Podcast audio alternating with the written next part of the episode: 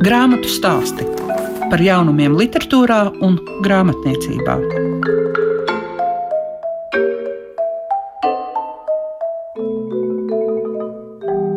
Esiet sveicināti grāmatu stāstu klausītāji kopā ar jums Liega Piešiņa un šīs dienas raidījumā, kas kā parasti skan programmā Klasika, mēs pievērsīsimies kādai grāmatu sērijai. Tās nosaukums - Orbītas biblioteka. Vēl arī dzirdēsiet dzinieku un tulkotāju Arvi Vigulu. Viņš ir viens no trim šī gada soduma balvas laureātiem, un viņa tulkotais Ričarda Protigana romāns Foreļu cope. Amerikā ir interesants gan visā pasaulē, gan arī pie mums Latvijā. Kā arī uzzināsim, ko lasa režisore Ilona Brūvere, kurai pavisam nesen iznākusi grāmata stāsta Juris Strenga Mana grāmatvedība.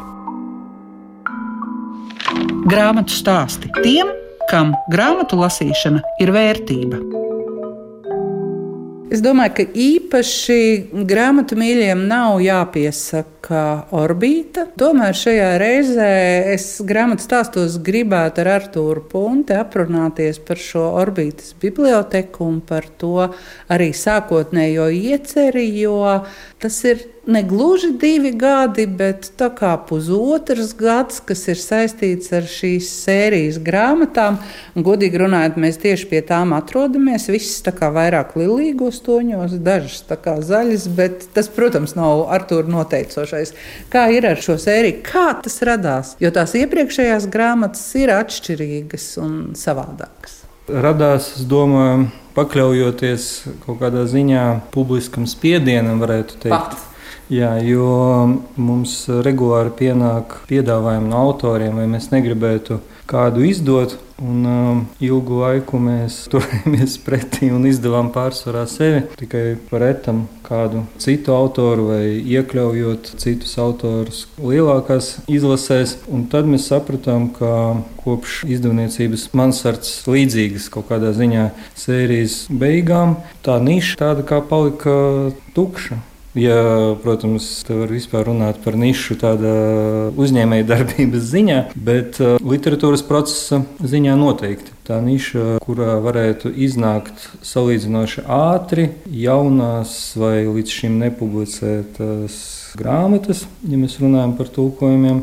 Un, nu, jā, un tad mans kolēģis Orbīts, Aleksandrs Zapoļs, uzņēmās šo misiju strādāt ar autoriem, apzināt to kā tādu sēriju, kaut kādu tiešām tādu procesa materiālo iemiesojumu un izdot. No sākuma nevarētu teikt, ka pirmās grāmatas bija ļoti pamanītas, un par tām ir īpaši šobrīd žēl, jo laiks pagāja un varbūt pazuda no veikaliem, lai arī bija ļoti labas, bet pēdējās grāmatas tiešām ir ļoti, ļoti pamanītas, apbalvotas, izpirktas un apmīlētas visur.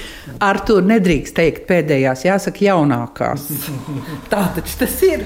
Bet uh, varbūt tieši tāpēc mēs varējām varētu tam pirmajām pievērsties, jo man liekas, ka arī Andra Kupriša Berlīna bija viena no tādām, kura šo sēriju nu, uzreiz parādīja. Ja, ja, ja, te kaut kas ir, nu nevis te kaut kas, bet te ir lietas, kas jāpamana.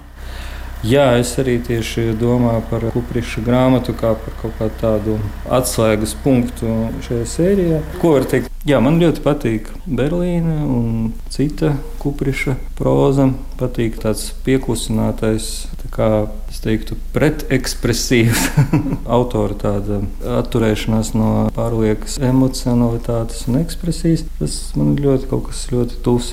Kā ir šajā sērijā? Tomēr, kā saka, satak strautiņš kopā, jo te iznāk oriģināla literatūra, piedāvām iznāk, vai tā ir proza, vai tā ir dzējā. Tas nav noteicošais. Un iznāk arī šie atzējojumi un tulkojumi. Kas ir tas iets, kas izsijā? Tīra redakcijas patvārība kā arī līdz šim bija ar visām mūsu grāmatām, izdot to, kas patīk. Neatkarīgi no tā, kādā valodā tas ir eh, rakstīts, vai tā ir dzēja vai proza, vai tas ir um, pat uz publicistikas, varbūt robežas kāds darbs. Mums bija arī Kirila Kobrina, piemēram, grāmata divās valodās, un pārējais nebija.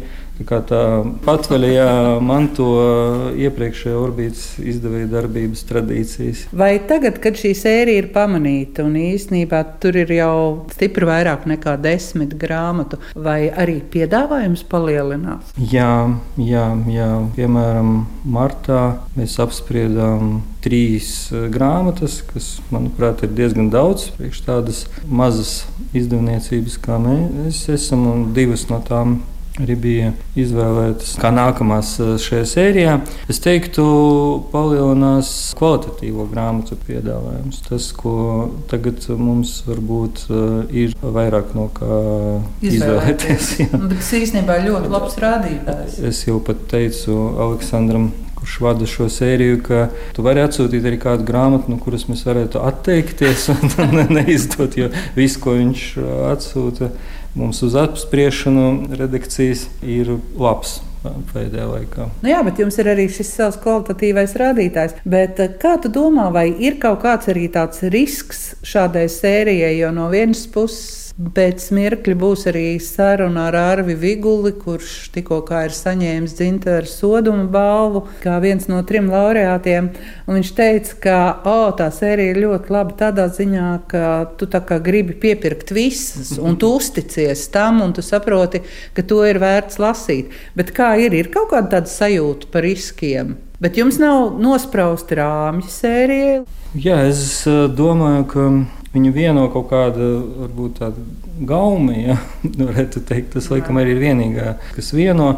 Un um, Viguls varbūt uh, tā pieticīgi noklusē savu lomu šīs sērijas tapšanā, jo daudzām grāmatām viņš ir redaktors un viņš ir tas, kurš inicēja kādu no autora grāmatu izdošanas, ieteicis, ja varētu teikt.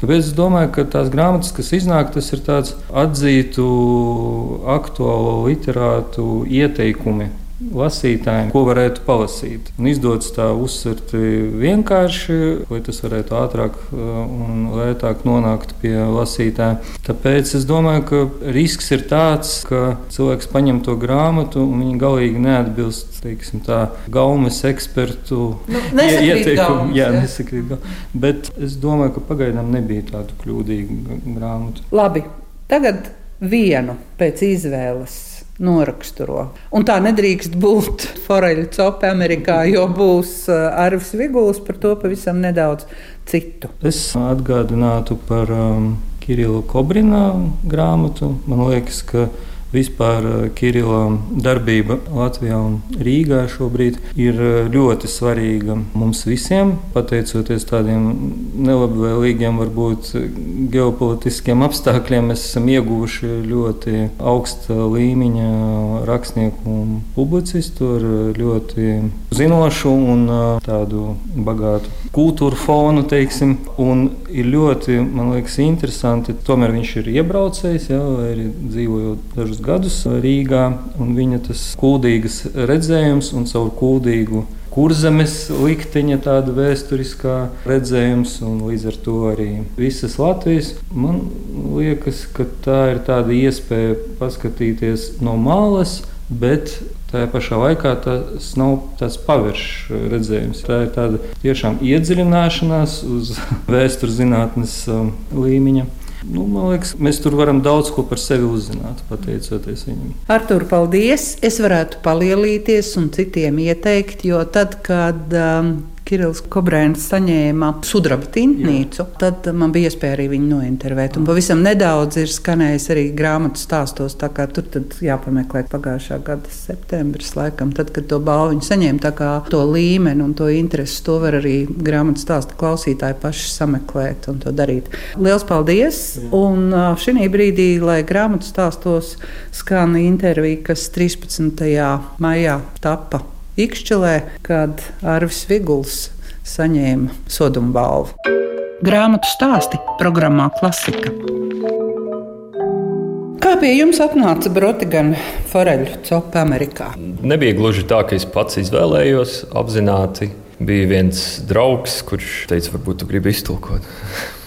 tā tas sākās pamazām.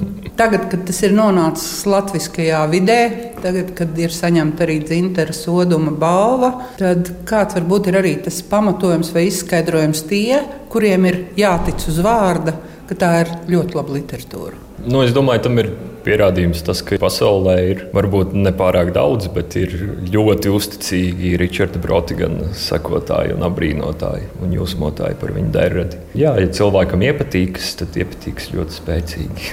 Bet kā jums pašam šķiet, labāk skan angliski vai latviešu? Man liekas, ka jābūt vienādiem. Centos, jā, kā es spēju. Tad man laikam arī jums ir jāpajautā par to, kādas ir jums pašam attiecības ar copi un ar forelēm vai vispār zivīm? Patiesībā diezgan nekāda. Es neesmu makšķernieks, un man arī tulkojot nācās iedziļināties specifiskā makšķerēšanas veidā, ko sauc par mušiņu makšķerēšanu. Vai zvanījāt Andrim Akmentiņam? Gan drīz zvanīju, bet beigās viss noskaidrojās. Jā, es ceru, tiešām neatradīsies kāda pavisam absolūti muļķīga lieta saistībā ar makšķerēšanu. Nu jā, kādreiz skolas laikā, nezinu, tas varēja būt sastais gads, visticamāk, es vasarā piestrādāju sargādams zivju dīķus.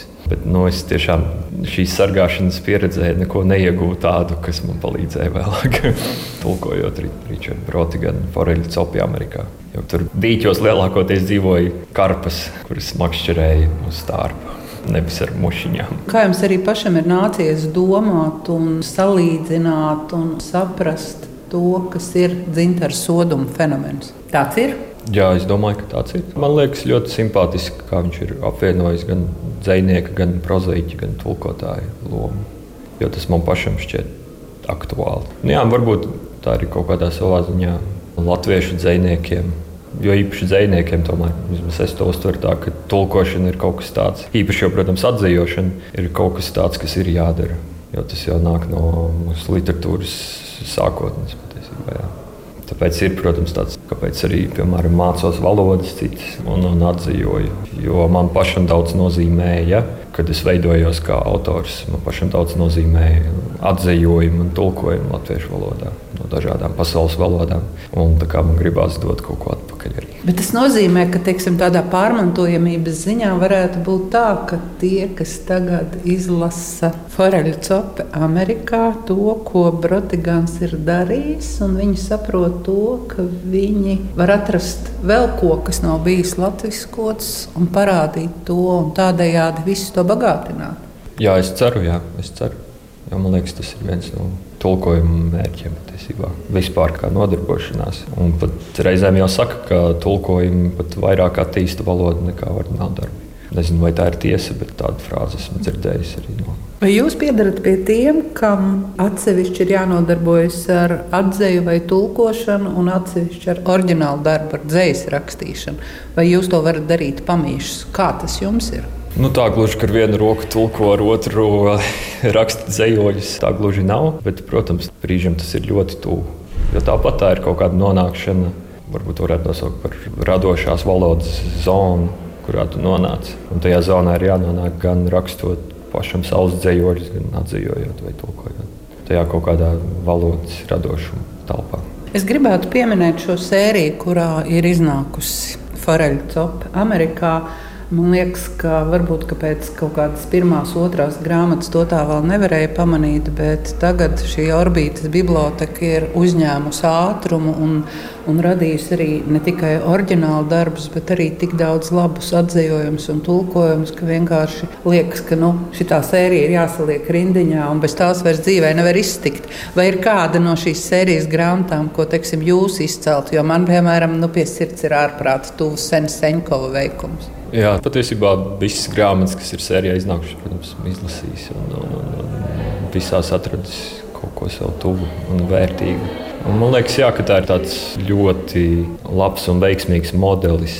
Veidot šādu sēriju, kurā var iznākt gan latviešu autora ordināla darbi, gan tulkojumi, gan atzījumi. Un arī jā, tas, kad ir ja ir grāmatas vienā sērijā, tad varbūt arī cilvēks, varbūt viņam kāda konkrēta grāmata, tāpat viņš viņu nenopirktu. Bet tā kā jau ir vairākas no sērijas, tomēr gribās, lai ir visa sērija kopā. Jā, jā, jā. Tas man liekas arī tāds veiksmīgs. Apzināti apdomāts mārketings, kā tagad saka. Kas ir tas, pie kā jūs arī šobrīd strādājat? Šogad ir pilns rokas darba. Turpat orbītā iznāks manis sastādītā un atzījotā krievu dzinieka Arkādija Dragomašenko izlase. Elēģijas izdevniecībā Neputns iznāks manā atzījumā serbu dzinieka Vasko Popas ceļas izlase Vilka ciltsraksti. Un tāpat Neputnā šogad ir gaidām man, mans jaunākais dzējoļu krājums - Blusa cirks. Grāmatu stāsti tiem, kam grāmatu lasīšana ir vērtība. Tikko dzirdējāt Arvi Vigulu. Tiešām gaidīsim gan viņa jauno dzējoļu krājumu, gan tiem, kuri vēl nav lasījuši. Tiešām no sirds iesaku pievērsties Ričarda Brotigana romānam Foreļu Cope. Amerikā. Bet šī brīdī noteikti gribu vēlreiz pasveicināt un no sirds sveikt gan Silviju Brici, gan Amandu Aizpurieti, kuras līdzās Arvim Vigulam arī kļuva par šī gada soduma balvas laureātiem. Un viss patiesākais prieks man šobrīd ir pateikt, ka Eiropas Savienības literatūras balvas 2021 šī gada laureāte ir Laura Vinogrādova. Šķiet, viņas upei garstāstam, par kuru viņa arī šo balvu saņēma, ir veiksmīgs liktenis. Cerams, ka būs vēl vairāk lasītāju, kuri gan pirmoreiz, gan atkārtoti izjutīs šo gana ģimenisko grāmatu. Un šī balva nozīmē, ka arī pasaulē nonāks tās tulkojums. Bet šobrīd uzklausīsim režisoru Ilonu Brūveri. Jūnija sākumā, kad iznāks atkārtots grāmatas stāsta Juris Strenga, mana grāmatvedība izdevums, kas iznākusi izdevniecībā Aminorī, varēsiet dzirdēt arī sarunu ar režisori un arī grāmatas autori Ilonu Brūveri. Tagad tikai viņas viedoklis par to, ko viņa lasa un kas viņai tīk. Grāmatu stāsti programmā Klasika. Man ļoti patīk Rahards Vargais. Es vienkārši viņu mīlu. Es runāju par, par viņa literatūru. Cik es zinu, es zinu tikai šo grāmatu, kas ir minori iznākusi. Nemodernās lampas meitenes. Es savulaik lasīju šausmīgi daudz, pēdējā laikā ļoti maz. Ļoti maz, man ļoti nepatīk uh, lasīt kaut kādus tādus uh, romānus, kur man atgādina skolnieku atcerējumus. Un tādu ir tik šausmīgi daudz. Man nav interesanti. Man interesanti ir tikai tad, ja katrā vārdā es jūtu, ka viņš vibrē. Nu, tā kā atskaņojot skaņdarbu, nots, viņš strādā šai skaņdarbā. Tādu darbu nav nemaz tik daudz, jo tas ir nenormāli grūts darbs, un ne katrs to spēj. Man mīļākie autori ir būtībā Pēters Hankins, Dilans Tomas, Ziedonis arī mīl bet uh, es nelasu pēdējā laikā. Es savulaik, laikam, esmu tik daudz pārlasījusies. Nu, vienkārši es ieskatos grāmatā un redzu, ka ne, šis nebūs. Nav vērts, jo, jo tā valoda nav. Nu, jā, valodai ir dramaturgija, bet ja viņa ir tāda pleperēšana, arī ļoti tā, nu, pietiekami tā kā, nu, vajadzētu cilvēks ir augstskolā mācījies, protams, viņš tur ir kaut ko stāsta vai atreferē. Un man aizrauja tiešām tikai tad, ja tas ir tādu un nevis mākslīgu iekšējo potenciālu, to uzreiz var just. Kur viņš ir konstruēts, speciāli domāts, bet viņš nav izdzīvots. Rihards Bargais izdzīvo katru savu teikumu. Un to tu redz katrā vārdā, katrā vārda savienojumā. Var redzēt, ka viņš tur ir iekšā. Ko viņš tur piedzīvo? Būtībā man pat ir pilnīgi vienalga.